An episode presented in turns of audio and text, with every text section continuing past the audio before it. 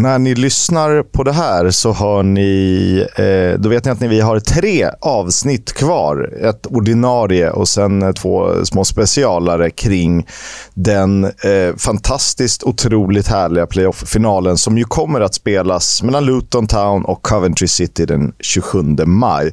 Vi ska inte riktigt eh, eh, förkovra oss i den matchen ännu, utan vi ska börja med att prata eh, ner playoff-semifinalerna och eh, ta ner hela säsongen egentligen lag för lag med en liten betygssättning. Eh, eller hur Leo? Ja, det ska vi göra. Liksom, eh, eh gå igenom tabellen från toppen till botten, från eh, Wigan till Burnley. Och betygsätta dem 1-5 och med en liten motivering varför vi, de, vi tycker att de har gjort en bra, medel eller dålig säsong. Kan bli kul, som en liten sammanfattning helt enkelt. Mm. Det, blir, eh, det blir jätteroligt, så ni är varmt välkomna. Häng med!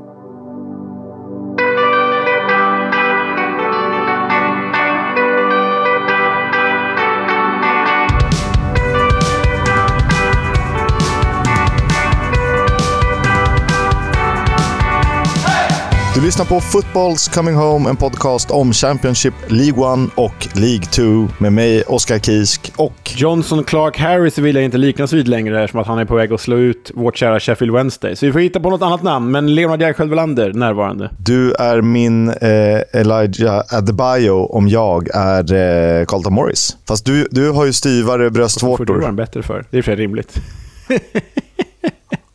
större om inte annat. Eh, det är det säkerligen. Ja, herregud eh, vad vi har fått se. Eh, Johnson Clark Harris ska vi prata om. Han är ju persona non grata i den här podden efter att ha slagit ut poddens favoritlag Sheffield Wednesday.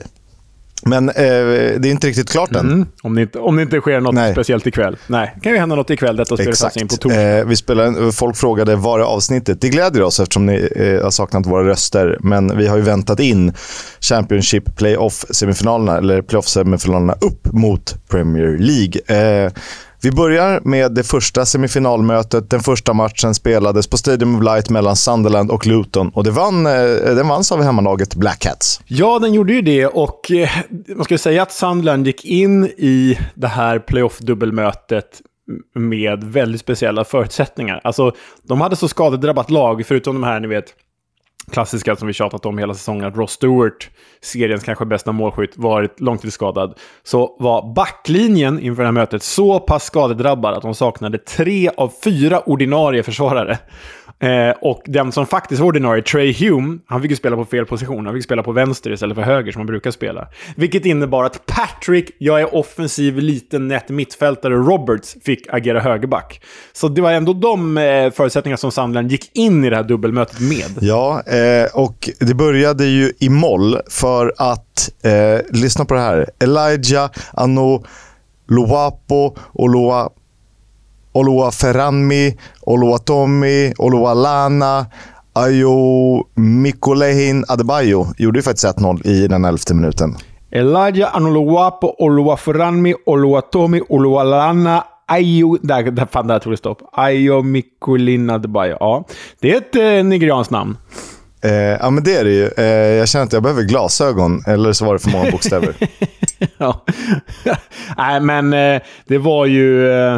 Alltså, Luton har ju tagit led, vi sa ju det i förra avsnittet, Luton har ju tagit ledningen i bägge eh, ligamötena de här två emellan, så det var ju liksom inte oväntat att han skulle ta ledningen även här.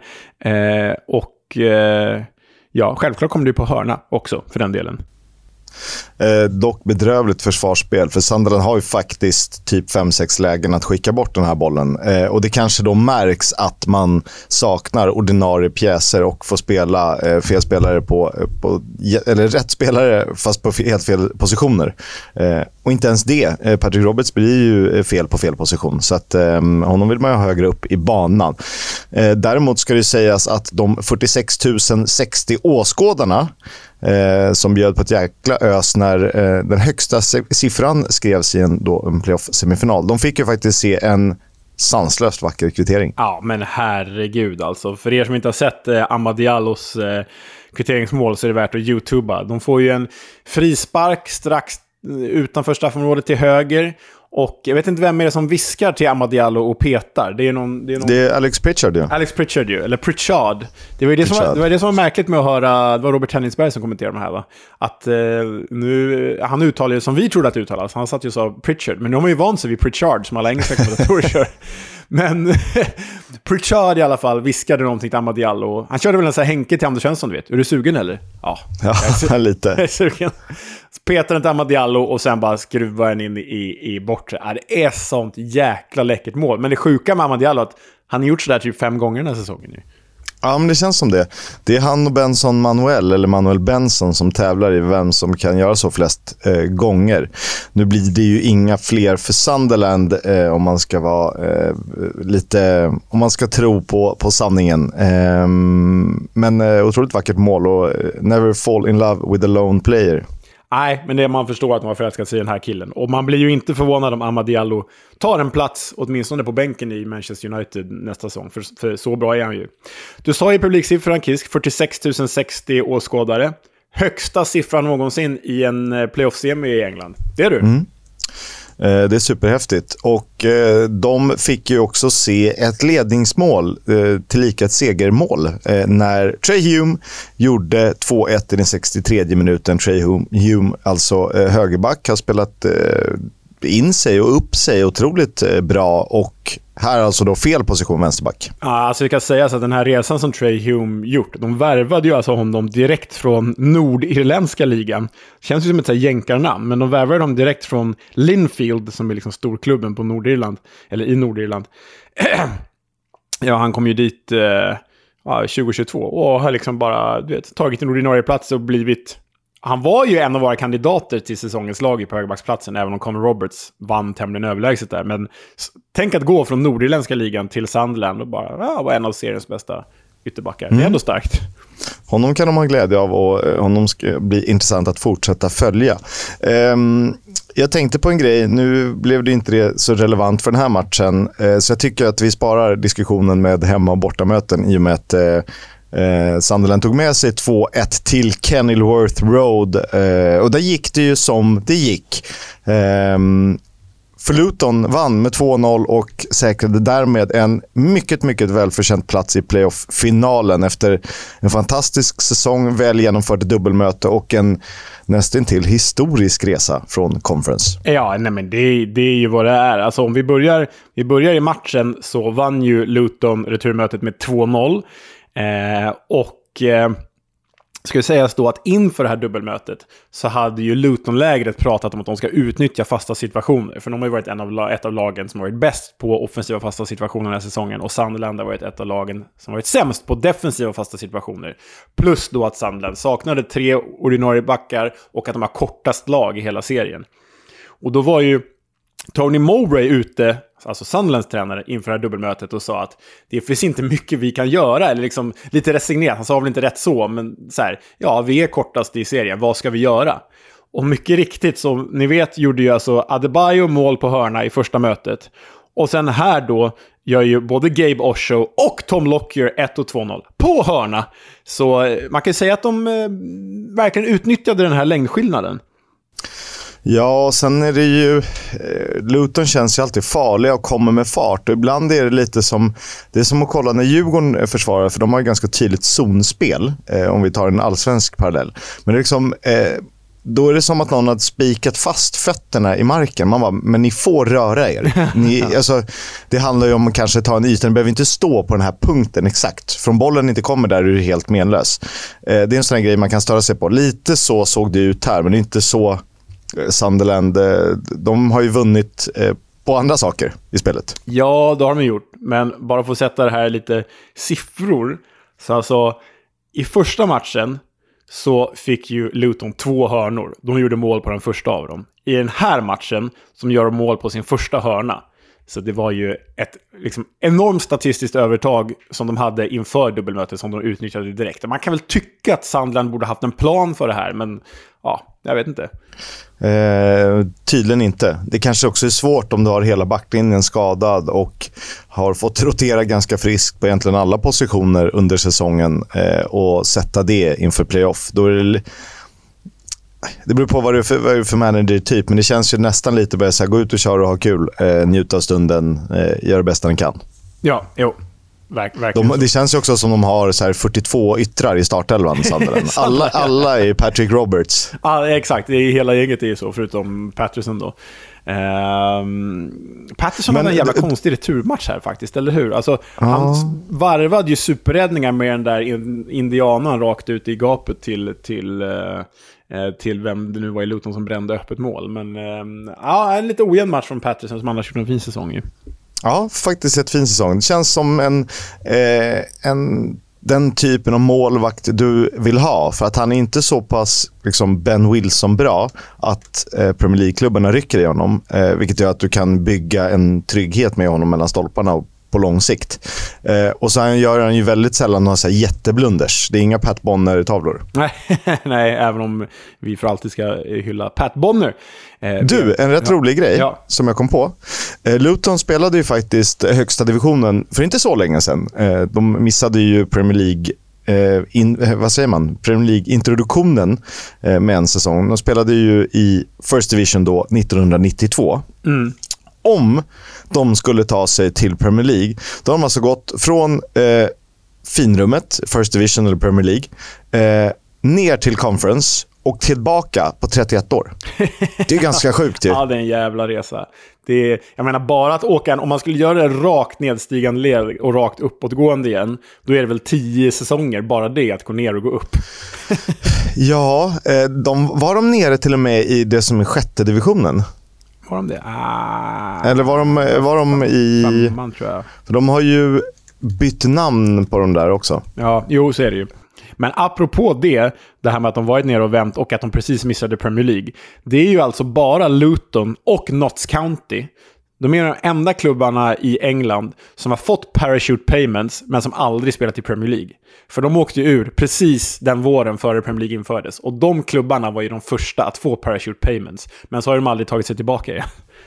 What could have been? Ver verkligen. Det var liksom fel, helt fel timing för de här stackarna. Sen är det, ska det tilläggas, det är ganska många eh, klubbar som har passerat eh, genom Premier League och lyckats bränna pengarna på skräp och ändå eh, är nere i någon så här, ja, i våra, våra divisioner, om vi kallar dem så. ja, precis. Nej, men jag vet inte vad vi ska säga mer om matchen här, Kisk, mer än att det var välförtjänt. Luton var ju över två matcher det, det bättre laget. Och sen hade ju Sandland såklart sina jobbiga förutsättningar som vi pratat om. Men, men det jag tyckte var fint var att på slutsignalen så stod just de tillresta Sunderland-supportrarna och hyllade sin klubb ändå. Och det, det, brukar de göra. Eh, min referens till Sunderland är ju deras bortastöd mot Tottenham år 2000, White Hart Lane. Det var faktiskt den första matchen jag såg i England, eh, 13 år gammal. Eh, och Jag var ju lika fascinerad som jag var av liksom, engelsk fotboll, av Tottenham och White Hart Lane, så var jag ju av Sunderlands eh, borta supportrar som var helt otroliga i 90 minuter. Eh, och De har genomlevt en hel del, så att de kommer komma tillbaka starkare. Eh, de har fått en superfin fin start i Championship, en bra grund att stå på. Ja, bara för här, för att in, insupa lite stämning så kan vi lyssna på hur, hur det lät när Sunderland-supportrarna faktiskt eh, hyllade sina spelare efter den här förlusten som det ändå blev.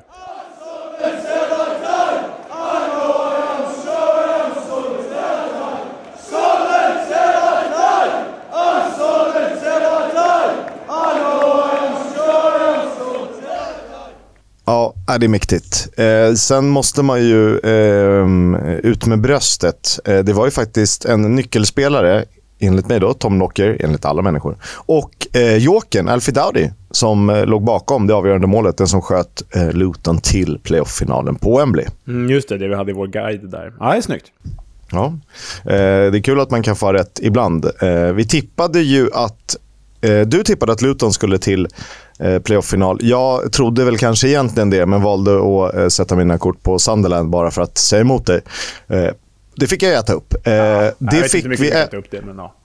Nej, men i den andra matchen så var vi tämligen övertygade om att Middlesbrough skulle få en hyfsat bekväm resa eh, mot ett visst bra eh, Coventry och sådär. Eh, men vi börjar med den första matchen. Den slutade 0-0 och det var väl inte något jätteroligt.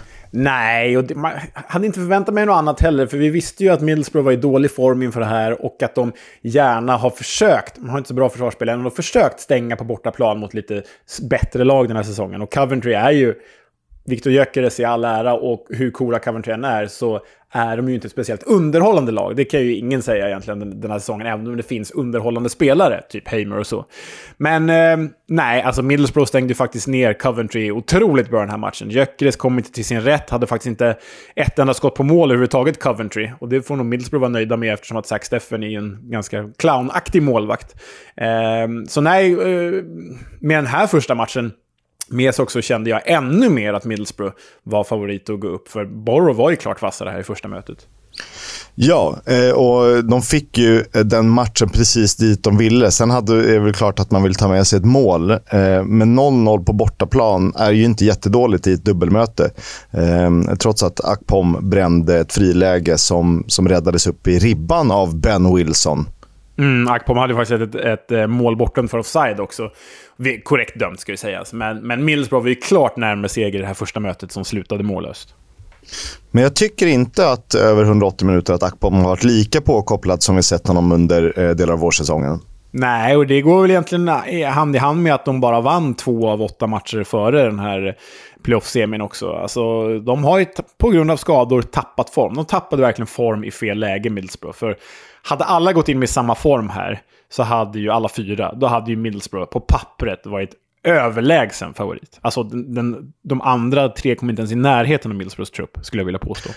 Nej, eh, men så är det ju. Eh, det blev dock inte så positivt för Borough som vi hade kunnat tro. För att eh, när de skulle vända hem till Riverside, eh, gyllene läge 0-0. På samma sätt som Borough stängde ner eh, Coventry på CBS Arena stängde ju faktiskt Coventry ner Middlesbroughs chanser att skapa eh, chanser. Ja, alltså det är du som har skrivit det här i, i, i köruset, men taktisk masterclass av Mark Robbins, Coventrys tränare. Alltså, han fick ju dubbelmötet precis, precis dit han ville. Alltså, han, han, han stängde ju ner dem. Och ändå tala nollan över två matcher mot seriens näst bästa lag. Alltså, vad gjorde de? Bara tre mål färre än Burnley var i serien. Det är, äh, det är oerhört imponerande. Ja, eh, han själv sa ju “Wow, that was the longest two hours of my life” eh, efter matchen. Och, och, det kan man väl köpa. Men jag tyckte inte... Alltså, eh, Borough hade ganska mycket bollinnehav i den här matchen, returmötet. Då. Eh, men de skapar egentligen ingenting. Eh, för att försvaret känns ju väldigt, väldigt robust. Eh, och Det var väl typ nästan någon form av 3 5-1-1, eh, eller 3-6-1. Istället för... Um, Eh, Eh, Matt Godden bredvid Victor Gyökeres så drog de ju ner Ben Chief och spelade någon slags i hålet. Eh, och Gustav Hammer såklart i någon helt fri roll som eh, bara han bestämmer över. Ja, ja nej, alltså Gustav Mohamed, vilken spelare och vilket mål. Alltså, kom ihåg för ett år sedan när vi satt och sa så att han var en rätt härlig spelare, men du vet så här, onödiga kort, sena tacklingar, röda kort hit och dit, aggressiv. Alltså eh, alldeles för opolerad för en playoff-push egentligen. Den här säsongen, jag menar han togs ut i, vi tog ut honom i, i årets lag och det här målet han gör, mamma mia, bara ta bollen från Gyökeres och dunkar upp den i bortre krysset. Ja, eh, det är väl... Mm, jag såg ju inte jätte... Alltså om man kollar kroppsspråket, han ser inte jättenöjd ut när Hammer liksom snor bollen från honom i egenskap av att han kommer i ett hyfsat läge som han själv sjabblar bort lite. Eh, men sen är det ju ingenting annat än att fira när han sätter den. Och lite svagt av Borough. Eh, det är väl akilleshälen också, eh, försvaret. Ja, och det har det ju varit. Och Oh, jag vet inte, det är väl framförallt så här, att Middlesbrough skulle släppa in mål i de här två mötena, det var nog inte helt oväntat. Det som var oväntat att de inte gjorde mål, eh, givet hur starka de har varit. Så, eh. alltså missräkning för Middlesbrough, helt klart. Och, och Coventry, det är ju... Alltså som klubb är ju Coventry större än Luton. Pengarna har ju inte riktigt funnits där, men truppen är ju inte ens att jämföra med Luton. Även om det finns spets i Hamer och, och, Wilson och Gyökeres, så liksom rent sportsligt är ju Coventry en, en klart större överraskning att de har gått till finalen än, än Luton. Så det är ja, jävla imponerande. Ja, det, det är ju dubbelt det där. Ser man till klubb eh, så är det ju eh, så är ju eh, Coventry större än Luton. Men de, Luton har ju eh, jobbat systematiskt, kanske lite bättre och tydligare. Eh, som vi har sett liksom med start förra säsongen på ett annat sätt. Där det redan då var hyfsat ja, nära. Ja, ja, obviously. precis. Och jag menar de här resorna, det här blir alltså tredje gången på Wembley för Mark Robbins med Coventry. Han har alltså tagit upp dem från League 2 till League 1, från League 1 till, till The Championship. Och nu kan de vara nu är de på tröskeln till Premier League. Och jag menar, Luton har gjort samma resa. Då har vi ju sagt det hur många gånger som helst och lagt ut på i sociala medier. För, vad är det, 11 år sedan slutade de 11 i National League, alltså i femte divisionen. Och sen dess har de bara avancerat. Ja, det är, utan några pengar. Ja, det är sjukt imponerande. Och eh, Jag tänker ju att eh, om man är Pozzo-familjen, framförallt kanske Watford-supporter, att man grämer sig över att efter tio omgångar och trots att man låg på en playoff-plats så sparkades ju Nej, Rob Edwards. I, i um, där är ju turning point in the season för både Luton och för, för Watford. För Watford gick ju bara sämre och sämre och sämre. Ingen av tränarna tog ju, som ingen plural, ingen av de efterföljande tränarna hade ju bättre poängsnitt än Rob Edwards i Watford. De slog ju fyra då, vad slutade de? 12, 11, något sånt där. Eh, och sen för Luton, när de väl blev av med Nathan Jones, då låg ju de tia. Och så kommer Rob Edwards in och tar dem till tredje plats. Det eh, ja, Ja, eh, jag, jag, var tvungen att backtracka, så jag försökte leta tabell efter datum. För kollar man efter omgång så är det ju hängmatcherna. Och Lut Coventry hade ju ett par matcher till godo. Men när man kollade en femtedel av säsongen, då hade det spelats nio omgångar. Lut eh, Coventry med eh, några matcher till godo. Men då var Luton alltså på 18 plats och Coventry var helt sist. ja, helt sjukt. Och, och så, och så klipper man till efter halva säsongen. Eh, det var i december, efter 22 omgångar. Då var det här två mittenlag. Eh, Coventry på 14 plats, eh, Luton på 15 plats, båda med 30 poäng. Sen kan man ju prata om hur jämn den här säsongen var, för det skilde inte mer än 10 poäng från playoff ner till eh, faktiskt bottenstriden och understrecket. Men ändå, eh, det är ju lite så här 24-24 i målskillnad. Eh, vunnit 7, förlorat 6, kryssat 9 det var inte så att man kände att jävlar, fan nej, Luton, nej. de kommer ju asfaltera den här och vårsäsongen. Blev ju, men Coventry var ju liksom inne i sista sekunderna att de, att de eh, faktiskt tog, eller sista matchen, att de tog en playoffplats. Men Luton var ju, alltså de säkrade ju sin playoffplats med omgångar kvar. Så bra vår gjorde ju de. Um, vi ska ju egentligen inte prata om så mycket mer om playoff-finalen i det här avsnittet. Vi ska göra det nästa vecka inför. Men bara eh, kort Kisk, vi tar det här vilka tror du på, vilka håller du på? Ja, alla vet ju nog att jag håller på Luton i det här sammanhanget. Um, det har ju, ja, när vi var tvungna att välja något favoritlag i Championship inför att vi startade podden så, ja, du har ju ditt Fulham och jag var ju tvungen att välja Luton. Tvungen. Um, jag tycker att det är jävligt charmigt, eh, hela området och eh, motsättningarna och möjligheterna sättet Coventry vann på, eh, det är jag lite orolig för med Luton-ögon. Eh, för kan de göra så där mot Borough, ja då kan de göra så mot vilka fasen som helst. Eh, sen är ju Luton bra på fasta. Eh, det är väl kanske inte någon eh, akilleshäl för Coventry dock. Eh, har ganska, de spelar med tre mittbackar ehm, och har ju flera huvudstarka spelare. Ja, oh, det är svårt. Tillknäppt kommer det bli. Tillknäppt. Det är det här klassisk 0-0 ja. luktar det ju. Coventry kan ju bevisligen stänga ner även mot bra lag. Och Luton kommer ju inte förivra sig. Eh, så det här är ju, det luktar i ja. förlängning. Ja, men, ja, men verkligen. Eh, Vad tror du själv? Ja, men, så här. Jag tycker ju att Premier League kan ju bara vinna på det här. För det är ju, vem som än går upp så är det en otrolig, otrolig jäkla resa som har skett så här. Även om Lutons faktiskt är ännu mer otrolig än Coventrys. Eh, vi som podd som liksom gillar de här klubbarna och berättelserna, vi kan också bara vinna, slash förlora. Vi vinner av att liksom en, det blir en så här ett sagolikt slut för en av dem, men vi förlorar också för att både Luton och Coventry har varit jäkligt roliga att följa de här två åren. så. Eh, men eftersom att eh, du håller på Luton så måste jag ju hålla på Coventry då, även om jag tycker det är kul med vem som helst. Men jag tror att Luton blir eh, för stark här. Jag tror att Luton tar det. Har du en Coventry-tröja hemma? Ja, jag har en mm. Luton-tröja hemma. Så då får vi göra en kul grej på det. Eh, vi som gillar Verkligen. våra matchtröjor. Eh, vi ska inte prata så mycket mer om playoff-finalen för att eh, det känns som att vi vill göra vår granskning nästa vecka. Eh, det vi har sagt att vi gör ungefär 20 minuter inför playoff-finalen och så gör vi ungefär 20 minuter efter playoff-finalen. Jag tänker också att eh, det kan bli lite längre och att vi tar oss tiden att berätta om resorna som de här två klubbarna har gjort eh, på olika sätt i, genom olika epoker. Eh, innan vi går vidare så var det en ganska rolig grej. Eh, säsongen 2017-18 då slutade alltså Luton tvåa i League 2. Och Coventry eh, blev ju sexa i League 2, eh, tog sig sen upp genom playoff. Men eh, det har hänt en del sen dess. Alltså det är League 2, det är fjärde ah, divisionen. Det dess. Och återigen, mer om det nästa vecka, men de har ju inte haft några pengar och båda har haft arenaproblematik. Så ja, det finns mycket att ta i här. Eh, innan vi går vidare ner till League 1 så skulle jag vilja prata kort Borough. Eh, hur tror du att de ska gå vidare? Eh, det är klart Carrick ska få fortsätta. Han har gjort det jättebra. Men får man ha kvar honom? Eh, kan man behålla Shuba Akpom som ändå säkert någon eh, mittenklubb i Premier League kan satsa på, åtminstone som tvåa?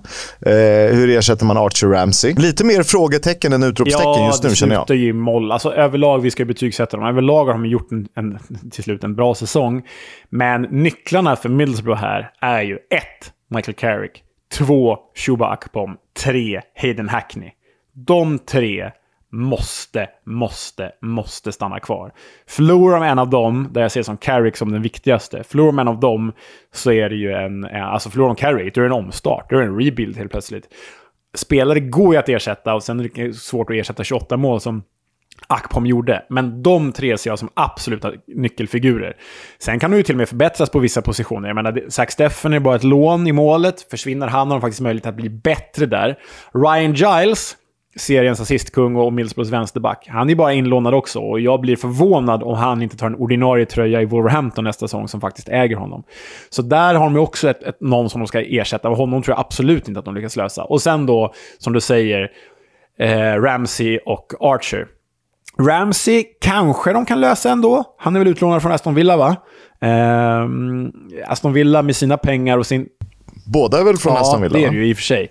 Och det, jag vet inte, nu har ju Archer liksom varit två turer det senaste året i Villa och inte fått en chans. Och Villa är liksom snudd på Champions League, så det kommer finnas europeisk spel där och, och så. Äh, alltså, jag ser det inte som omöjligt att de faktiskt kan behålla både Ramsey och Archer, givet att Aston Villa har sån jäkla bredd. Men, men, men ähm, ja, det är klart att det är nyckelfigurer också för dem. Och Nej, men ibland, eh, nu har inte jag koll på deras kontraktslängd, men ibland kan det vara så enkelt att de trivs under Michael Carrick och i miljön runt Borough. Därför vill spela där. Eh, om det är på lån ytterligare en säsong med ett Aston Villa-kontrakt, eh, men Unai Emery som eh, satsar på andra spelare, då kanske det är mest praktiskt för alla. Och eh, Ibland behöver det inte vara den fetaste lönechecken som avgör, även om det rätt ofta är så. Sen är det ju så här, förra sommaren Säg, räck upp en hand om man trodde att Shoba Akpom skulle göra ens 28 nej, inhopp. Exakt, nej. Så att, Precis. Om Carrick kunde förvandla honom till guld på liksom mindre än ja, men 75% av en säsong så borde han kunna hitta någon annan guldklimp i, i seriesystemet. Inget snack. Det var det om Championship Playoffet. Vi ska gå vidare till League One. Och det blir lite konstigt eftersom vi inte kan ta med eh, returmötena. Men vi vill ändå eh, prata om det hemska som hände när Peterborough tog emot Sheffield Wednesday. Och det var ju en resultatmässig eh, maktdemonstration, men det speglade faktiskt inte matchbilden och chanserna. Det blev alltså fyra fucking noll till Porsche mot Ward Wednesday. Uh, War at Wednesday. Um, Nej, här satt jag i flugen Sheffield Wednesday-tröja. Eh, vår yngsta son Julian hade sin Sheffield Wednesday-goseuggla. Eh, eh, inte för att han fattade något av matchen, han sprang mest omkring och gjorde andra saker. Men han hade ugglan i alla fall. Och jag tänkte att nu, nu skapar vi så här far och son-band här. Vår äldsta son satt i alla fall med mig i soffan och tittade lite. Eh, men så blev det ju inte. Eller vi kanske skapade band, men det var ju negativa band. För det blev 4-0 till Porsche och... Eh, Alltså de två första målen, Jack Taylors 1-0, det är ju en dundertavla av Wednesdays keeper Craig Dawson. Han bara... Mm. Alltså han ska ju skopa... Det är bara, det är bara ta bollen liksom. Ah, riktigt. Det är inte Massimo Taibi dåligt, men det är dåligt. Eh, och 2-0-målet från Joe Ward, det, det, ser ut som ett drömskott tills man ser att det faktiskt tar på en, en försvarare och, och liksom byter riktning och går upp i krysset istället. Uh...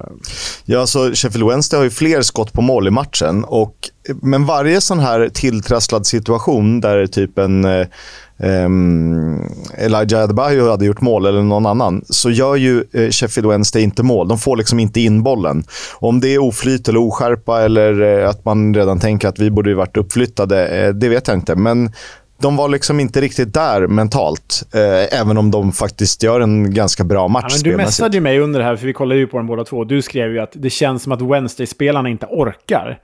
Och jag kände det också, för även om statistiken som du säger var i Wednesdays favör, så var min bild av matchen att Porsche bara sprang åttor runt Wednesday-spelarna. De kändes så jäkla tröga.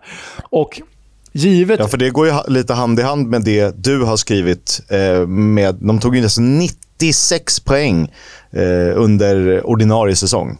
Ja, ja, och kom trea. De tar 96 poäng och kom trea. Och då gick jag liksom bakåt hela 2000-talet i League One och kollade vad 96 poäng skulle ge tidigare säsonger. Så det är alltså 23 säsonger bakåt. Från 99-00 till nu. Och en säsong spelades ju inte klart, coronasäsongen, så den har vi inte räknat. Men på övriga 22 så hade 96 poäng inneburit första plats 15 gånger, alltså direktuppflyttning. Andra plats 7 gånger, alltså direktuppflyttning. Så det här är första gången som 96 poäng inte innebär, inte innebär direktuppflyttning.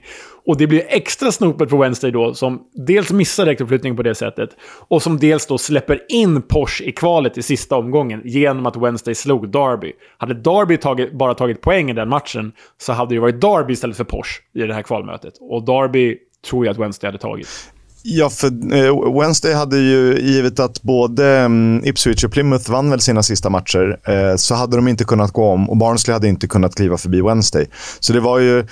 Det här är väl en pyrrusseger, du som gillar att använda det uttrycket. Eh, de hjälpte in. Och 2-0 tror jag de hade kunnat lösa på Hillsborough. Eh, för det trycket som stundtals var eh, när vi såg dem mot Argyle var ju väldigt bra. Och får man med sig hela publiken med 4-0, det, det har väl aldrig hänt? Nej, nej. Och... Eh, Nej, den här matchen, vi spelar in det här på torsdagen. Den här returmötet spelas ju ikväll, torsdag. Eh, så för er som lyssnar fredag eller senare, ni eh, kommer redan veta hur det här slutat. Jag kommer titta på den här matchen ändå, men det är ju kört, såklart. Är det inte lite... Alltså så här, poetisk rättvisa hade ju varit om IFL bara, nej, vi skiter i playoff-spelet. Ni får spela bara för att. Eh, ni får tävla om något annat, någon Johnstons Paint Pappas Pizza Trophy.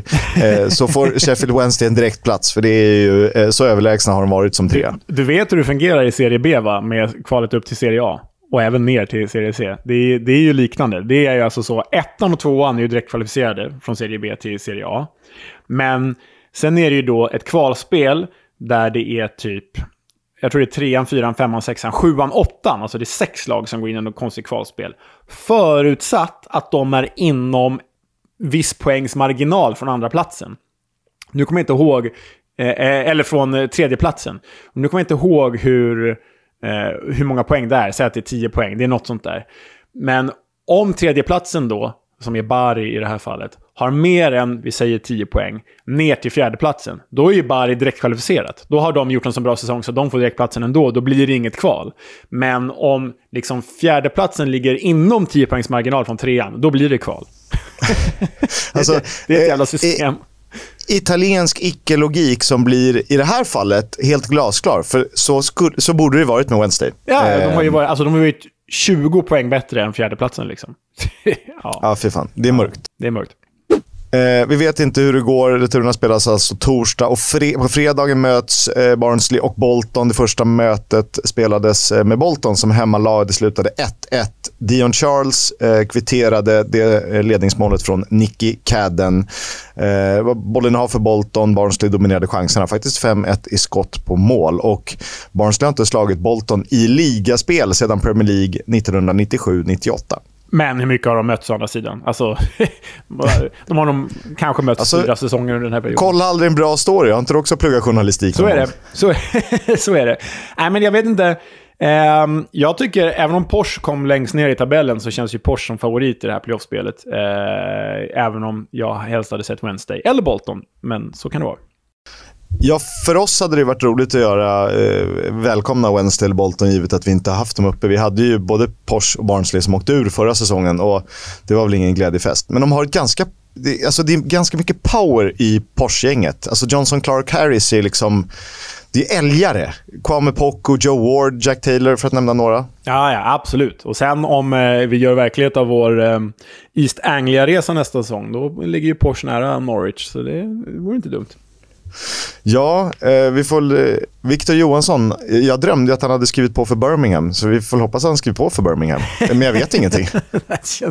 Hörru, nu ska jag avancera karriären. Jag går två platser upp i tabellen. Ja.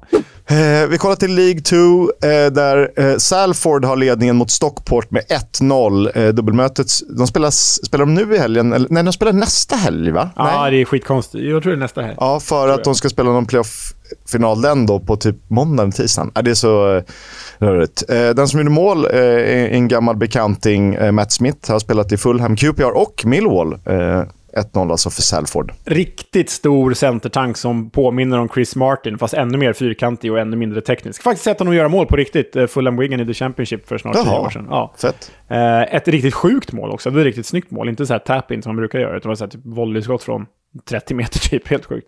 Eh, det är roligt här i, i körschemat att eh, det har autokorrektat så att han heter Mathieu Smith. Nej, men han heter väl det, va? Heter han Mathieu Smith? Ja! Nej, är det sant? Jo! What? På riktigt? Ja, ja. Ja, ja. Shit, det visste inte jag. Jag trodde han hette typ Matthew Smith. Jaha, Nej, jag tror, vad roligt. jag tror att han heter Mathieu. Oj jävlar, det är ju mer än vad jag visste måste jag säga. Ja. Ja, sjukt. Kul, då har jag lärt mig någonting nytt. Vad glad jag blir. ja. Mäktigt. Han heter Eh, Mathieu! Mathieu ja. James Patrick Smith. Dra åt helskotta. Gjorde nio mål på 50 matcher för Fulham. Ja, det var ju så jag minns honom. Finns det något sexigare än liksom, eh, anfallare till åren komna med eh, väldigt konstiga stavningar? Ja, herregud alltså. Ja, kul. Bra. Men Salford är lite roliga. Ni känner säkert till det. Eh, De ägs ju bland annat av bröderna Neville, Scholes, Giggs, Butt och David Beckham klev in sent omsider. För nio år sedan då spelade de i Northern Premier League, vilket är då sjunde divisionen. Ja, men de nu är har de ju... i League 2. De har ju precis som Forest Green Rovers fått ganska mycket kritik från, om, om, ja, från konkurrenterna för att de har liksom köpt sig genom systemet genom citationstecken. Haft mycket mer pengar än konkurrenterna och därmed gått rakt upp. Liksom. Sam, samtidigt är det härligt, ja det blir väl kanske lite ekonomisk dopning på den här nivån. Samtidigt är det ju roligare att det är gamla fotbollsspelare som investerar pengar och faktiskt vill göra någonting med det. Om jag har förstått det så försöker de eh, investera på ett bra sätt jämfört med hur det sker i, ja, du kan ju ha Mike Ashley-karaktärer och eh, Mel Morris etc. etc. Ja, ja, och de gör ju något för det lokala communityt också. Det gör de ju faktiskt. Så hats off to them. Um, I den andra eh, eh, playoff-semin där så finns ju Bradford som jag eh, eh, drömmer om. 20 575 åskådare på första mötet mot Carlisle som slutade 1-0. Jamie Walker eh, blev matchvinnare i det, i det första mötet eh, för då Bradford som ju leds av Mark Hughes, tidigare bland annat eh, tränare för Manchester City. Det har ni ju koll på. Ehm, vi glömde ju nämna att eh, Adrian Mariappa, Connor McAleny, spelade för eh, Salford. Då var det ganska roligt att Adam Clayton, eh, tidigare Borough bland annat, ersattes av Matt Derbyshire på Bradford mittfältet. Spelar han fortfarande Matt Derby? Alltså, jag tänkte, jag var tvungen att googla. Han är, typ, han är ju typ lika gammal som vi. Jag trodde att han var liksom, alltså, 45. Men han, han slog igenom sig, vad kan det vara, 2003, 2004 i Premier League och sånt för Blackburn? Måste fan kolla. Ja, han är Ja. inte så himla... Han är född 86, så att... ehm, Blackburn 2003 kom han. Fan, bra spot. Då, fan, det är snyggt av mig att sätta ändå där. Men vet du vem som inte var med? Nej. Jan Songo. Och Songo känner man ju igen, eh, för han är son till Jacques Songo, Ah, gamla kameranska landslagsmålmålvakten. Kul. Eh, utlånad till Walsall, eh, dock inte skött sig utanför planen de senaste åren. Om jag, eh, han uttalat sig konstigt. Mhm. Returerna spelas ju eh, om ett bra tag, men då har ni det. Eh, det vi vet är att vi kan ju välkomna Notts County tillbaka till English Football League. Eh, efter straffar så besegrade de Chesterfield i National League-finalen. Ja, och eh, det var ju nära att det inte blev så, för de kvitterade ut till 1-1 i 88 och sen kvitterade de till 2-2 i 108 Så det hade ju varit precis som så här Sheffield Wednesday-deppigt om de hade missat. För de och Wrexham tog väl typ över 100 poäng båda två i National League och så Chesterfield tog väl typ 30 poäng mindre. Ehm, men var alltså bara några minuter då från att eh, åka ut mot Chesterfield ändå. Men... Eh, Eh, Straffdrama där John Bostock, gamla Spurs-talangen, faktiskt brände sin straff. Men eh, Ja, jag vet. Men hade den suttit så hade han ju avgjort med en Panenka ribba in Zidane-style. Ja, och framförallt stor matchhjälte här, det var ju Notts Countys inhoppande andra målvakt Archie Mare, som byttes in för att ta straffar. Han tog två, varav ena var ju helt, helt sinnessjuk. Alltså, den är ju som tagen ur en, um, det är inte photoshoppad, men en trickfilmad sån här video som dyker upp på YouTube. Typ, det här är den bästa målvakten någonsin. Um, för att sättet han får upp foten och ta är det sanslös räddning. Ja, sanslös.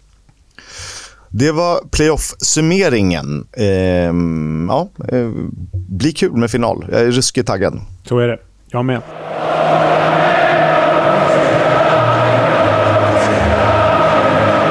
Fotbolls Coming Home sponsras av Stryktipset, ett spel från Svenska Spel, Sport och Casino. För dig över 18 år. Stödlinjen.se.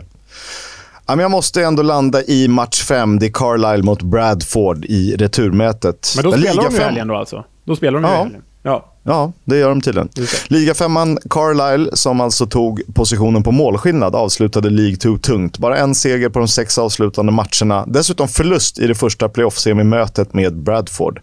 Men 0-1-tapp är inte omöjligt för seriens sjätte bästa hemmalag. Samtidigt är Bradford, trots massivt publikstöd hemma, bättre på bortaplan. Det brukar pratas om att form är viktigt att ta med sig in i playoffspelet och inget av lagen har några starka papper i den kategorin. Eh, dock lite bättre för The Bantams. Jag tror att Bradford drar nytta av ledningen och rutinen i truppen med Mark Hughes vid rodret och löser minst ett kryss här. Leo, vad, vad ser du fram emot i helgen? Nej, men det är ju, det är ju de här playoff-matcherna. Det är det det handlar om nu. Det är det vi har jobbat fram till hela säsongen. Det är det vi har drömt om. Och Inget ont om Carlisle. Jag skulle gärna åka till världens ände, som det kallas i England, och titta på fotboll där. Men framförallt så vill man ju att Bradford ska upp i divisionerna. Alltså, tänk dem, jag menar, att de har snittar på 16 000 i League 2. Tänk dem i ett Championship-sammanhang. Då har de ju 30 000 helt plötsligt. Nej, upp med Bradford. Upp med Bradford, ser du. Det är alltså eh, Stockport, Salford, Carlisle, Bradford på lördag. Eh, roligt såklart. Det var vältajmad kontraktsförlängning med Mark Robbins som ju ska göra fyra, år, fyra nya år, ytterligare fyra år som manager för Coventry eh, som man ju har tagit igenom systemet. Vi får se om det kan innebära en Premier League-plats. Och eh, Birmingham eh, har då fått sin dom, sin villkorliga dom över alla ägarturer fram och tillbaka. Det har ju varit lite oklarheter kring vem som ägt klubben, hur, de, hur klubbarna ägts, vilka som varit involverade, var pengarna kommit ifrån och sådär.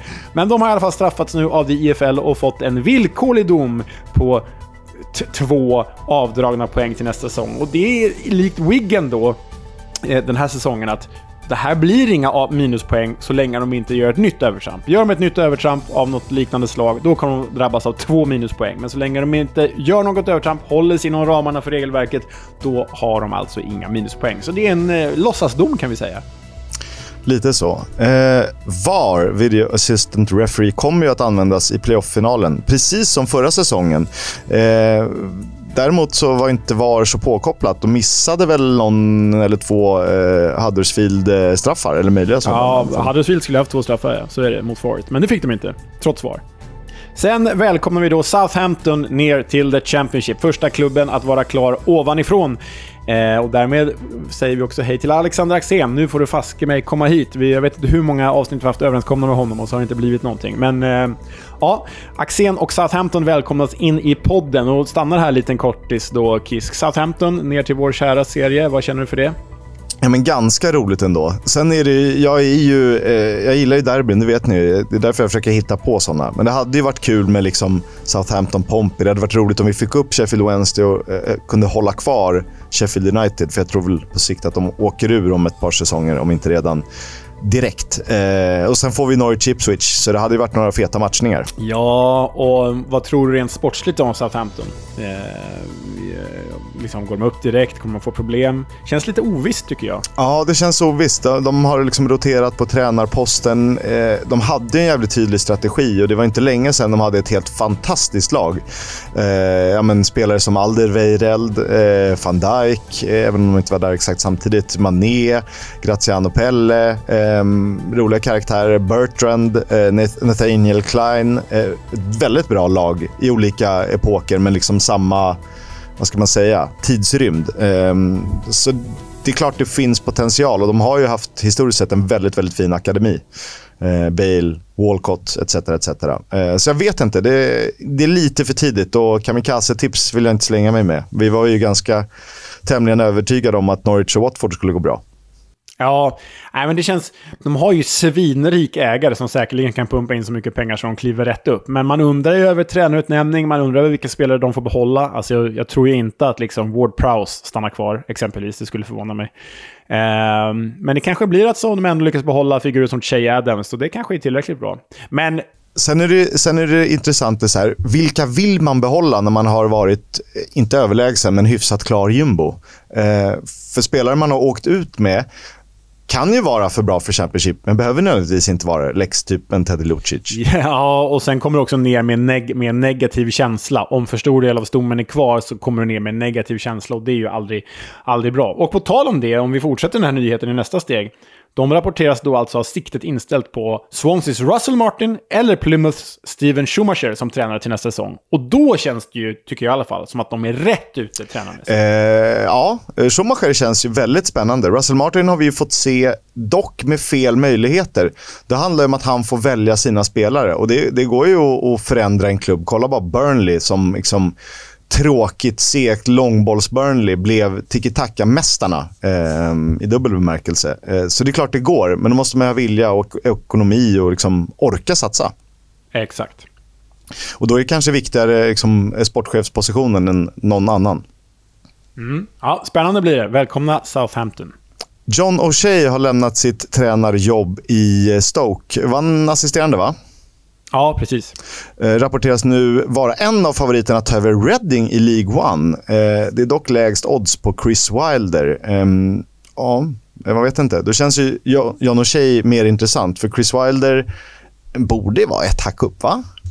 Borde vara ett hack upp och känns som att det har gått lite dåligt nu här på slutet för honom. Så, alltså, ja, för, äh, förra säsongen pratade vi om honom som säsongens manager och kanske var mest het, hetast eftertraktad i hela Championship. Nu ska han ner i Reading göra, i League One. Ja, ja, jag vet. Det går fort där. Går fort. Andra tränarbyten. Förra veckan pratade vi om att eh, Watford vill ha Valerian Ismael som tränare. Nu är Valerian Ismael tränare för Watford. Succé tidigare i Barnsley, floppade i West Brom, floppade i Besiktas. Upp till bevis nu då. Hur många månader ger honom Kisk? Eller hur många dagar ger honom? Det är ändå Watford du pratar om. Eh, jag ger honom 15 omgångar. Och då är jag snäll. ja, det är, det är fan. Rob Edwards fick 10. Akiri Hilahti, gammal karaktär på Crystal Palace-mittfältet. Han har en eh, dansant fru som ju faktiskt eh, dansade i Eurovision till eh, bidraget Cha-Cha-Cha eh, med eh, ja, de som kom tvåa. Då. Vidare tränarigheter, även om det inte var en tränarighet. Men eh, Sabrina Mucci får ingen fortsättning i Cardiff, erbjuds inget nytt kontrakt. Och det får man väl förstå, för han höll dem ju knappt flytande och de hade ju åkt ut om det inte vore för Readings minuspoäng. Ja, det känns... Ja, jag vet inte. där är ju liksom, finns ju ändå någon potential som man behöver. Men det, det är liksom börja om från början. Eh, reboota systemet lite. Cardiff stämmer eh, Nantes på eh, över en miljard kronor för eh, härvan kring dödsfallet eh, Emiliano Sala. Han eh, avled ju efter en... Eh, ja, det var fel på ett flygplan som skulle flyga honom från Nantes till, till Cardiff, var va? Med privatkråka? Eller om det var Paris kanske? Vilken, jag, inte, jag var, till, var, var, tillbaka, jag tror det var från Cardiff tillbaka. Var det så det var? Eh, ja, I alla fall eh, kraschade det i Engelska kanalen och han avled. Eh, de hävdar då Cardiff att de hade hållit sig kvar i Premier League med honom och då har de alltså gått miste om en dryg miljard. Det här är ju jävligt ovärdigt. Eh, men det är väl klart att det är ett svårt case. Jag ska inte försvara någon, men eh, ja, kan han inte bara få vila i frid? Ah, nej, men det är, så, det är så jävla ovärdigt. Och jag vet att det inte är Cardiff som klubb, utan det är pengastinna, pengakåta, morbida jävla ägare. Nu sa jag det, men det här är, det är under all värdighet. Släpp det här. Cardiff har ju dessutom redan fått... Det är ju Cardiff som har fått fel i, i, när de har liksom gått upp i domstol mot, mot Nant kring det här. Cardiff har ju fått... Det är ju de... ah, ah, skitsamma vem det är. Det är ovärdigt. I veckan kom uppgifter om att Sheffield United är nära ett övertagande från amerikanska investerare, dock ej namngivna, än så länge hemliga. får vi se vad det kan innebära. Ashley Barnes är avtackad av Burnley och presenterad av Norwich. Eh, kan nog göra ganska mycket nytta. Blir då nästan en rak eh, Teemu Pukki-ersättare. Ja, och vi minns ju honom för hans episka kommentar efter att ha sänkt Blackburn i derbyt med Burnley. Sweet feeling that must be. Oh, mate, every goal is, is, is special, but that to, to score against the bastards there is, is amazing. Det är en matchning vi får eh, fortsätta se. Eh, roligt det. Mm. Vi pratade om Reading förut. De släpper alltså anfallaren Lucas Joao, eh, vilket är helt rimligt. Eh, och han är också en rimlig mittinvärvning får vi säga. Eh, inte lika bra den här säsongen. Hamnat i skymundan av Andy Carroll, trodde man inte att man skulle säga.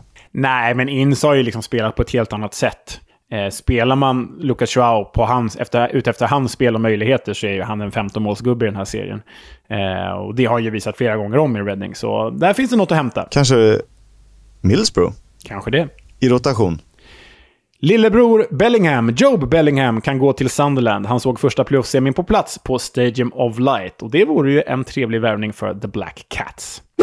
Vi lovade att vi skulle betygsätta säsongen. Vi ska dessutom ta ner vår eh, urusla tippning. eh, där vi kan säga att ja, jag gör ett tips, Leo gör ett tips. Vi slår ihop dem och så liksom snittet från våra placeringar för respektive lag. Eh, vi kan väl säga att vi tillsammans hade exakt noll lag på rätt plats. vi hade ganska många lag med ett eller två placeringars marginal. Alltså det var typ halva serien ändå, ska sägas. Så vi var liksom i stora drag ändå helt okej. Okay. Men om man ska titta på rätt placeringar så var vi ju helt värdelösa. Men jag måste ju ge dig att du vann den interna tippningen över mig. För du hade två lag på rätt plats. Eh, du hade Swansea och Reading rätt placerade. Jag hade bara Millwall rätt placerat. Så grattis Kisk. Ja, det känns inte som en titel som man vill eh, ha. Du tippade minst dåligt i eh, det ni kan bäst. Ja, pinsamt. Ja, så är det. Burnley vann ju serien, det vet ni, på 101 magiska poäng. Vi hade tippat dem som sexa. Eh, och det var ju lite försiktigt, men man visste inte riktigt vad man hade dem och det här tiki-taka kändes ju som där och då som lite tomma ord. Eh, och Det har vi fått revidera och be om ursäkt för. Eh, deras säsong är inget annat än en fullträff, 5 av 5. Det går inte att säga något annat. Andra plats, Sheffield United, håvade in 91 pinnar. Vi tippade dem faktiskt femma, så lite snett ute, även om vi var rätt på playoffet. Men lite snett ute. Eh, här kan man inte heller ge någonting annat än 5 av 5 i betyg. Alltså, en normal säsong är ju de ju till och med etta i den här tabellen. Eh, så 5 av 5 för Sheffield United. Ja, känns liksom eh, tråkigt stabila, men det är precis det man vill vara och de går upp i överlägsen stil så det är inget att snacka om.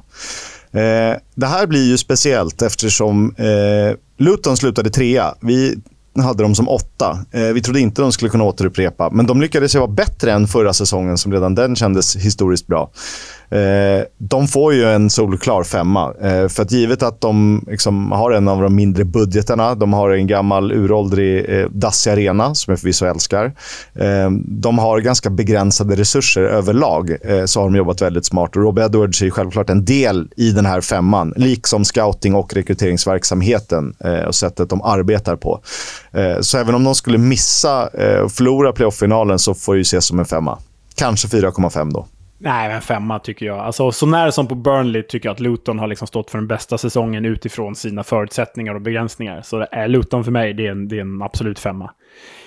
Fjärde plats, Middlesbrough, 75 poäng. Vi tippade dem trea, så där var ju väldigt nära. Eh, nu gick det som det gick i playoff-semin, men jag tycker ändå att Middlesbrough kan få en fyra av fem i betyg. De skulle ju vara här någonstans, eh, sett till förutsättningar och trupp eh, och vad man trodde inför säsongen.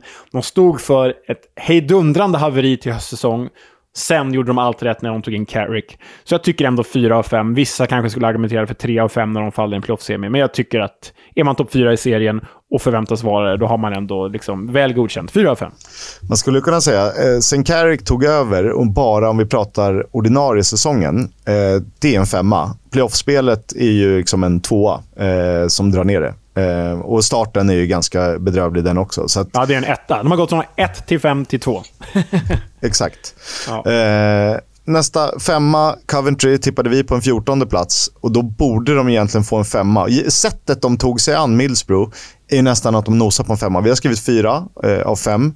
För säsongen var ju upp och ner. Och ska man se det som helhet. Eh, men det är egentligen, hur de spelade borta mot Reading är ju skitsamma. Så länge de står på Wembley. Så jag ändrar fyran till en femma. Ja, jag håller med. Jag, jag tycker det är en femma. Det är ju, de är på Luton-nivå här, sett till förutsättningar. Tunn trupp, inga pengar, arenaflytt och skit. Nej, fem av fem. Sunderland, sista playoff-laget, kom ju på sjätte plats. Vi tippade den här nykomlingen på artonde plats. Bra grabbar. Känns snålt så här i efterhand. Men det här var en annan typ av nykomling också. Eh, så vi borde nog ha tippat dem högre upp. Men sexa är ju något eh, utöver det vanliga. Och eh, ja, det var väl första nykomlingen som nådde playoff på typ fyra år. Eh, haft liksom halva truppen skadad eh, stor del av säsongen. Så jag har faktiskt satt fem av fem här. Eh, en magisk säsong av en nykomling. Även Ja, om det är en stor klubb. Sen är det också lite förutsättningar. Det handlar ju om hur man har öppnat säsongen och hur man avslutar den. och Det blir ju också lite så man ser på säsongen. Eh, sjua Blackburn, vi tippar om 15 plats. Alltså har de gjort det jättebra. Samtidigt hade de ju playoffplatsen i egna händer typ hela säsongen, trots att spelet liksom inte stämde till 100%. Vi har skrivit tre av fem här. Eh, det kanske är snålt, men Tomasson har ju gjort det bra överlag. Men det räckte inte hela vägen. Och det kändes ju ganska rättvist att de inte fick platsen till slut, givet hur dåliga de hade varit när de hade haft den. Kan man säga så? Så tycker jag att, så Och- tycker jag att man kan säga. Kollar man expected goals och points så ska, har de ingenting med en playoff-strid att göra. På åttonde plats kom Millwall. Vi tippade dem 11. Jag för mig att... Eh, eller jag vet att jag tippar dem 8, så du tippar dem lite längre ner. Eh, det här var enda laget jag satte rätt för övrigt. Här kanske, det kanske är så att du är lite för hård och jag är lite för generös, för jag har satt en 4 här. Eh, och i och med att Millwalls säsong slutade deppigt eh, så är det ju lätt att slänga iväg en trea eller kanske till och med en tvåa. Men de var ju faktiskt inte ens tippade att nå playoff. Och så förlorade de playoffplatsen i sista omgången. Så jag tycker att liksom fram till de här fyra sista matcherna som de gör riktigt dåligt när de bara ska säkra sin playoffplats, så tycker jag att de gör en väldigt bra säsong och lyckas ju ställa om från Jed Wallace med Stian Fleming och otroligt bra eh, sommarfönster och eh, eh, presterat bra under en hel säsong och bara dippar på slutet. Jag tycker ändå de är värda en fyra, för de slutar väl vadå? Alltså en poäng från playoffspel. Äh, jag, jag tycker ändå det är fyra av fem, även om det slutar på ett tråkigt sätt. Ja, det var ett, en sista missräkning där då. Eh, på nionde plats, West Brom hade vi tippat som tvåa. Eh, det är en total besvikelse. Eh, de får betyg 1 av 5. Eh, jag tycker att de definitivt, åtminstone, ska vara topp fyra i den här serien med den truppen de har. Det spelar ingen roll vem de har vid tränarbänken. Det, det kan man skylla på hur mycket man vill. Det är upp till spelarna att ta eget ansvar. Eh, ettan får de väl för att eh, de anställde Carlos Corberan, Ja, vilket är ganska bra. Tia, Swansea, samma poäng. Eh, vi tippar dem sjua. Eh, sett till det så är det ju en besvikelse. Eh, jag har satt en trea här, man hade kunnat sätta en tvåa. De är ju faktiskt bara tre poäng från playoff till slut i den här jämna serien. Men framförallt var det de där vintermånaderna som där de liksom vann typ en på åtta eller vad det var i januari, februari. Och faktiskt släppte spelare. Russell Martin ville annat. Ledningen sålde Michael Obafemi och sådär. Eh, jag tycker ändå tre av fem, men det har varit turbulent tre av fem, så kan vi säga.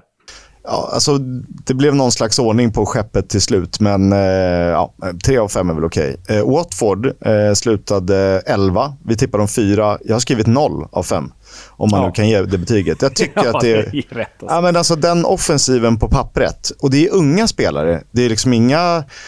Det är inga gamla stötar som man säger, åh vi försöker kicka igång Charlie Austin igen. Utan det är liksom Joao Pedro, Ismail Azar. Vi pratar folk som är liksom 20-22. Eh, nej, det, det är för dåligt att de inte är med och utmanar om playoff. Nej, jag instämmer. Eh, jag instämmer. Watford är ju, som vi kommer komma till strax, den absolut största floppen tillsammans med Norwich. Men däremellan kommer ju Preston North End 12. Vi hade tippat dem 16 plats. Det känns som att vi alltid, alltid underskattar dem lite. Eh, alltså det här är ju mellanmjölkens mellanmjölk. Om man skulle kunna sätta 2,5 av 5 så 2,5 av 5. Men 3 av 5, de var ju faktiskt ändå nosade på playoff. 3 av 5 kan du få, mellanmjölk. De får väl symbolisera liksom the mittenlag också i den här serien. Eh, sen när jag kollade gamla tabeller, vad hade de efter nio omgångar? 2-0 i målskillnaden och sånt där va? Jävla sjukt. Jävla sjukt alltså. Knäppt. Trettonde plats då, Norwich. Vår gemensamma etta. Vi trodde ju faktiskt att de skulle studsa tillbaka direkt. De tog bara 62 poäng. Trettonde plats. Eh, betyg 0 av 5. Eh, kommentar överflödig. Dessutom förstärkte de Marcelino Nunez, Gabriel Sara. Alltså det är ju så här rekordvärvningar. Och de har ett bra lag. De har... Eh, hyfsat bra målvakter. De har Max Aarons på en högerback. De har haft Timo Pukki som ändå producerar poäng. Josh Sargent i, i sitt livsform. Nej, 0 av 5. Ingen snack. Nej, ingen snack. Största besvikelsen. Till och med större än Norwich och West Brom. Och då fattar man hur illa det är. 14 plats hade vi din tippade utmanare Bristol City. Gemensamt tippade de på tionde plats. Eh, det är en liten besvikelse. Jag tror att de är liksom helt okej okay nöjda med att hamna här i mitten. Det var väl ändå en förbättring jämfört med fjol, eh, med typ två placeringar tror jag. Men eh, ändå, det landar ändå i två av fem här, för vi trodde ändå mer från dem. Vi trodde att de skulle leverera bättre och framförallt att den här briljanta offensiven de hade förra året med eh, Weimann, Semenyo och Martin skulle liksom fortsätta. Nu har ju Conway och Nack levererat förstås, men inte på samma sätt. Så jag tycker det är en besvikelse kring en klubb som, för, som inte allt för länge sedan andades någon slags Premier League-optimism. Så nej, två av fem. Sen får man väl ge en litet typ utropstecken till att det ändå har... Alltså Nigel Pearson lyckades vända en ganska trög säsongstart och fått igång ganska många egna produkter också eh, som gör det bra. Och typ en Alex Scott som... Eh, men utan honom hade de varit ett bottenlag. 15 plats då, Hall eh, tippade vi på 13 plats, så vi är ändå i rätt sjok. Eh, de får betyg två av fem. Jag vet inte vad mer man ska säga. Det har varit lite rörigt fram och tillbaka. Liam Rosinho känns dock som en intressant utnämning på tränarposten. Ehm, ja, jag vet inte riktigt vad vi ska säga. Två av fem. Ja. Ja, alltså det var ju vissa från den här satsningen som förväntade sig, i alla fall experter från engelskt håll, som förväntade sig att Hall skulle kunna göra en playoff-push. Riktigt så skärmande blir ju aldrig vi av det här projektet, men på sikt kan det ju bli så. Det har vi ju sagt länge, att ge dem ett par år så kommer ju pengarna hjälpa dem upp. Men ja, två av fem. En liten besvikelse när man satsar så mycket, förstås. 16 plats, Stoke, eh, eviga underpresteraren, eviga mittenlaget numera. Vi tippar dem 12 och då tyckte vi att så här, ah, men vi sänker dem lite. Vi får inte vara för optimistiska kring Stoke. Och så slutar de ändå sämre än det. Så, äh, det här är ju en klubb som siktar på playoffplats, minst. Värvar för playoffplats, minst. Har trupp för playoffplats, minst. Ett av fem. Det är en flopp, absolut. Men ett lag som spelar som ett bottengäng i stora delar och sen eh, sminkar de över det med liksom en bra period i april. Typ. Ja, exakt. 17 plats Birmingham. Eh, vi tippade dem 21 och eh, under stora delar av säsongen var det ju ändå lite rätt, eh, får vi säga. För att de kämpades ju med näbbar och klor och det var ganska tajt där nere. Från liksom, Stoke på 16 plats till eh, vad blir det då? Cardiff på 21 plats skiljer det bara fyra poäng. Så att det är ett, ja, det här är ju en liten tombola vilka som slutar på vilken placering. Jag tycker det är rätt. Eh, de var lite bättre än vad vi trodde. De får bara ett av fem ändå. För jag tycker en klubb av deras storlek och med det mittfältet att de borde kunna göra bättre. Ja, jag det är nog så. Det är nog lite hårdare. Jag är lite generös. Jag hade nog satt två av fem här. Jag tycker ändå de... Jag hade dem till och med på nedflyttningsplats på mitt personliga tips inför säsongen. Så jag, jag är ändå positivt överraskad. 18 plats, Huddersfield, på tal om att liksom inte veta vad som är upp och vad som är ner, vad som är tombola och vad som är inte. Alltså ser man över hela säsongen så har ju typ Huddersfield presterat kanske den sämsta fotbollen fram till de sista 5-6 omgångarna när Warnock fick ordning på det här. Jag menar alltså Schofield som var tränare först och sen vad hette han med skotsk... Mark, Mark Fotheringham. Fotheringham. Alltså det var ju, Mark Fotheringhams Huddersfield är fan det sämsta lag jag tycker vi har sett i The Championship under de här två säsongerna. Um, och sen ska man ha med sig att de spelade playoff-final förra året. Så, men vi som, vi som ändå var inlästa, vi visste ju att här, de har ju tappat åtta av elva startspelare. Det kommer inte bli lika bra här. Så att förvänta sig ens över halvan var ju för mycket. Men så kanske man inte tänkte att de skulle åka ur, vilket de höll på att göra. Men äh, två av fem, de klarade sig i alla fall. Och vi tippade de 17 de slutade 18 på samma poäng som 17 plats. Så det, är nästan, det är väl det enda vi kan glädjas åt, att vi gjorde ett halvt rätt. Exakt.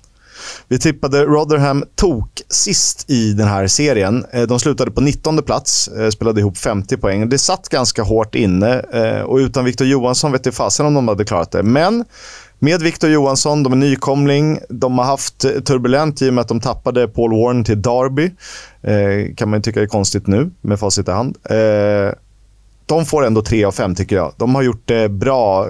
Det är, inget, det är ingen stor klubb direkt. Nej, men punched above their weight ändå. Alltså allt över nedflyttning är ju succé för dem. Verkligen. 3 av 5. Exakt. Sen kommer vi till 20 placerade Queens Park Rangers. Vi tippade dem nia. Eh, de ledde ju serien i oktober. Eh, sen föll de. Jag tycker att, alltså så här, absolut inte, de är absolut inte en trupp att jämföras med Norwich, Watford eller West Brom. Där kan de inte jämföras. Men jag tycker att resultat i förhållande till förutsättningar och i förhållande till trupp ändå är i paritet med Norwich och Watford och West Brom. Det här är en av säsongens stora floppar. De skulle liksom som sämst kanske sluta 10-12. De slutar 20 knappt, överlever knappt. Så nej, 0 av 5 i min bok. Här. Ja, eh, givet, de har ju bra spets. Liksom. Eh, den måste man kunna nyttja bättre. Vi får se eh, hur deras reboot går. 21 plats Cardiff tippade vi på 19 plats. Eh, så där är vi ju hyfsat nära. En poäng ifrån. Eh, Cardiff får ett av fem. Eh, de ska absolut kunna göra bättre. Inte ens Callum Robinson kunde rädda det här sjunkande skeppet. Inte Sabri Lamouchi heller, även om det var på gång. Så att, nej, det är väl eh, inte godkänt. Nej. Så kommer vi till de tre nedflyttade då. På 22 plats, Reading. Vi tippade dem 23. Och det här är jäkla konstigt med Reading, för Inför säsongen var de en av de fyra bottentippade. Det var inget snack, både från oss och från engelsk expertis. Så sett till det så har de ju liksom spelat level, med, spelat jämnt med de förhandstipsen. Men de låg ju länge, alltså de låg ett tag på playoffplats. De låg ju, som vi gick igenom förra veckan, va? de var ju typ 50 dagar på playoffplats. Alltså de har ju legat mer på playoff än vad Coventry och Sunderland har gjort. sett i den här säsong. Um, och sen bara raset som gör... Alltså, sett till förutsättningarna så har de, är det ju inte eller sett till förhandstipsen är det inte en floppsäsong, men sett till hur säsongen utvecklade sig när de hade, var på säker mark och hade allt i egna händer och sen fick minuspoäng och, och rasar ur, då blir det ändå ett av fem ja, för mig. Jag förstår hur du tänker, det är svårt där. Eh, Blackpool, som typ har den minsta budgeten, de har väl till och med den minsta budgeten, tippade vi på 20 plats. Vi trodde att de skulle kunna eh, lösa ett nytt kontrakt. Det gjorde de inte, de slutade 23 De får ett av fem. Men också konstigt. Alltså, Mick McCarthy är ju minus av fem. Eh, så att det tror jag sänker dem på något sätt. De har ju kanske inte heller truppen för Mick McCarthy-fotboll. Jag trodde Josh Bowler skulle kunna rädda dem kvar, det gjorde han inte. Ja, ett av fem får det bli för Blackburn. Ja, håller med. Och då kommer vi till tabelljumbon. Wigan, vi tippar dem på 22 plats. Alltså nedflyttning. Ur åkte de. Eh, sett till det, kanske ett av fem. Det är aldrig bra att åka ur. Men givet hur klubben har skötts, att man helt huvudlöst in Kolo Touré utan att tänka sig för och ännu värre misslyckas med att betala sina spelare fyra gånger under säsongen. Äh, det är ett haveri till klubb det här, tyvärr. Eh, med, som för Wigan som ändå känns rätt sympatiskt annars. Men 0 av 5, 0, 0, 0, 0, 0 av 5. Det var alla. We'll have a chat about the fucking game. About your game, last few months, last few weeks. Fucking character. Ja, Kisk. Eh, nog för att vi gillar eh, Warnock och nog för att vi gillar Sheffield Wednesday. Men vi är ju inte så partiska att vi faktiskt inte kan eh, ja, men driva med eller såga vår eh, poddens kära klubb. För veckans Warnock tar oss nämligen eh, till Hillsborough och till fansen som sjöng Eh, ja, men de, de sjöng eh, en speciell ramsa när de mötte Derby. De hånade Derby-fansen rejält när eh, de eh, såg till att deras säsong förstördes. Så eh, det är väl lite avdelning ödets ironi här. Vi kan väl lyssna på vad eh, Sheffield Wednesday-fansen sjöng helt enkelt.